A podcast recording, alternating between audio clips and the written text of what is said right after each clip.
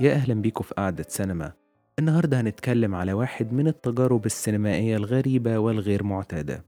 وفيلمنا غير معتاد ليه؟ لأنه هو عبارة عن صناعة عمل مش عادي من كل ما هو عادي عادي جدا كمان.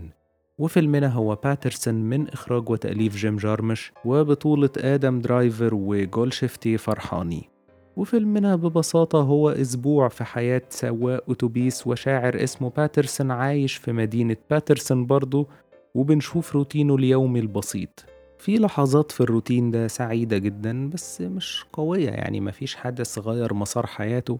وكمان بنشوف مشاكله اليومية اللي هي أكبر حاجة فيها إن الأتوبيس عطل بيه مرة. وبنتعرف على الدايرة المقربة منه خاصة مراته لورا والناس اللي بيشوفهم في البار. الفيلم زي ما قلت هو تجربة غريبة وفي نفس الوقت حلوة لأنه عبارة عن صناعة عمل معتمد على روتين واحد اليومي والشخصية بتاعتنا شخصية بسيطة وما عندهاش حاجة مميزة في حياتها. وده مش معناه إن إحنا قدام فيلم أسطوري يعني عمل حاجة ما اتعملتش ولكن هو تجربة متميزة وممكن يكون مش لكل الناس خالص. بس بشكل شخصي أنا متفاجئ من إعجابي بالفيلم لأن لو حد قال لي إن فكرة الفيلم مجرد أسبوع في حياة سواق أتوبيس بيحب الشعر مش هحس يعني بأي حماس تجاه الفيلم ولكن الفيلم فيه تفاصيل كتير حلوة وقدرت تخلق لي حالة من الارتباط مع شخصياته. وفيلمنا ما اعتمدش على فكرة التلات فصول ولا إن يبقى فيه حبكة قوية إطلاقا. هو محدد نفسه في سبعة أيام من يوم الاتنين ليوم الاتنين اللي بعده ومعتمد تماما على شخصياتنا وحياتهم اليومية وبالتحديد باترسون اللي هو مدخلنا لكل اللي حواليه. زي ما قلت باترسون اسمه على اسم المدينة وأعتقد حياته شبه المدينة. من خلال كل الشخصيات اللي بنشوفها حياتهم روتينية جدا ومشاكلهم اليومية والعائلية عادية ممكن تقابل أي حد في العالم كل يوم. وباين إن المدينة نفسها مش مواكبة للتطور وطرازها يعتبر قديم نسبيا. زي بطلنا راجل تقليدي جدا معهوش موبايل ولا أي smartphone ولا ليه أي علاقة بالتكنولوجيا ولا الاتصالات. ولا بيتكلم في الإنترنت ولا عنده social media ولا مهتم بأي حاجة مادية كمان. وكمان شخصيتنا دي مش متطلعة إنها تعمل خطوة تغير مسار حياتها. يعني مثلا مش عايز يبقى مشهور أو غني أو يشتغل حاجة تانية غير سواقة الأتوبيس. هو عايش في روتينه اليومي وبيروح يكتب شعر في وقت فراغه. ويمكن الفيلم يبان مركز على شخصية باترسون وحتى لو حد قرأ عن الفيلم أو شاف لقاءات تخص أبطاله أو أي حاجة هيفتكر إن هو مركز على الشخصية الرئيسية بس. بس كان في مساحة لقصص جانبية.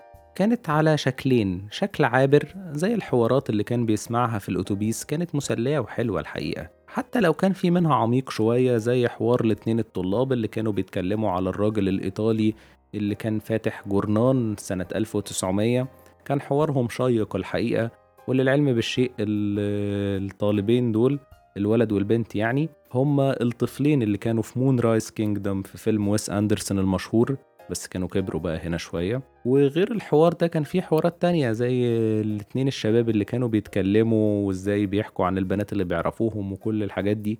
الحكاية دي كانت مسلية الحقيقة وأنا دايما بحب الشخصيات اللي عندها احتكاك بشخصيات كتير مثلا زي حد إن يكون بيشتغل في قهوة أو بار أو مثلا بيشتغل سواق سواق أتوبيس أو تاكسي أو أي حاجة. النوعية دي من الوظائف دايما بتخلق حكايات كتير خاصة في الأفلام والأدب. فبتبقى الشخصيات دي مدخل لحكايات كتير حلوة ومسلية كمان. وكمان كان في شكل شبه ثانوي لقصص جنب خطنا الرئيسي ومتمثلة في شخصية صاحب البار اللي هو بيقعد يجمع حاجات تخص المدينة ويعلقها على الحيطة. وفي مرة كده مراته دخلت هزقته علشان أخد فلوس رايح يعمل بيهم حاجة تخص تقريبا بطولة الشطرنج. وحوارات الشطرنج اللي بيقعد يتكلم عنها وإنه بيلاعب نفسه وبيتمرن علشان البطولات. قصص مسلية مش ملحمية مش مبهرة.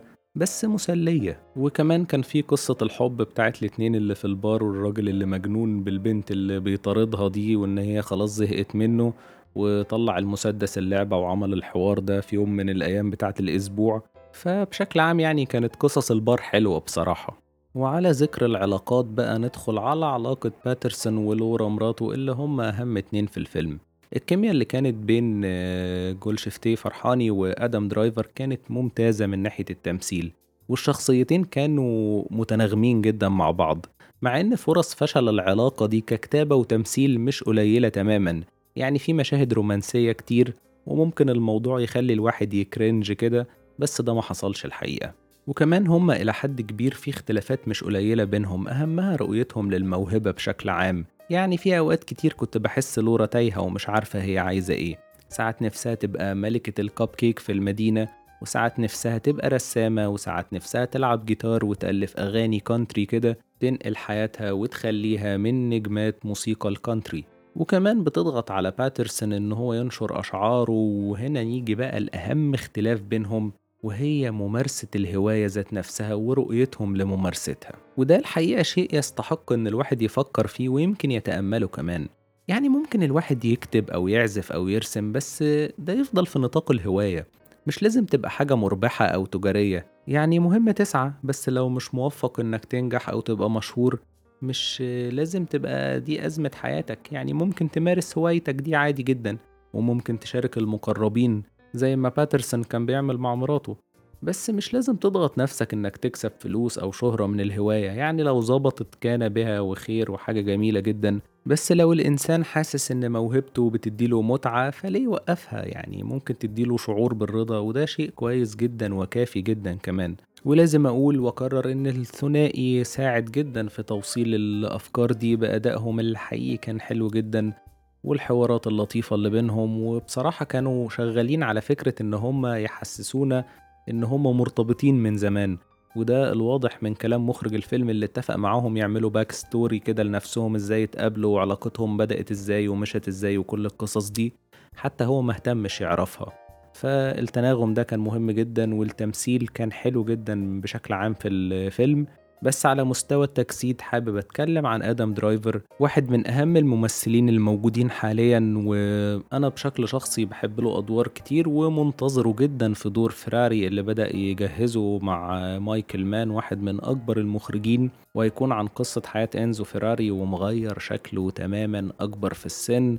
وشعره المعتاد ده مش موجود خالص آه، عامل شكل مختلف تماما يعني مش آدم درايفر اللي إحنا معتادين عليه. هو في الفترة الأخيرة نشيط جدا وبيعمل أدوار كتير مهمة. وفي الفيلم ده عجبني إنه قدر يبقى عادي طول الفيلم زيه زي الأحداث مفيش لحظة أفورة ليه في وسط الفيلم وده في رأيي كان ممكن يكون فخ يعني ممكن ممثل تاني يحاول يعمل أي حاجة في وسط الهدوء ده. بس درايفر كان متماشي مع الموقف بشكل حقيقي ممتاز. والفيلم عناصره بشكل عام حلوة جدا. حقيقي ال production design كان مناسب ووصل لي شكل حياتهم وحتى الملابس. كل حاجة كانت متقنة ومتماشية مع بساطة القصة وبساطة شخصياتنا. وحابب أتكلم على التصوير خاصة إنه استغل بطء الريتم في التركيز على خلق صور حلوة جدا وكتير منها ثابتة. خلى في ارتباط كده للمشاهد بعناصر بسيطة زي ساعة البطل. وبشكل شخصي أنا عجبني جدا مشاهد البار من أول ما بيوصل له المونتاج كمان كان كويس جدا بالذات في مشاهد سواقة الأتوبيس وكمان كتابة الشعر المونتاج فيه كان حلو جدا وكان الشعر كده بيظهر بشكل مكتوب. آدم درايفر بيقول إن ده خطه كده وهم أخدوه بقى ظبطوه بشكل حلو على الكمبيوتر.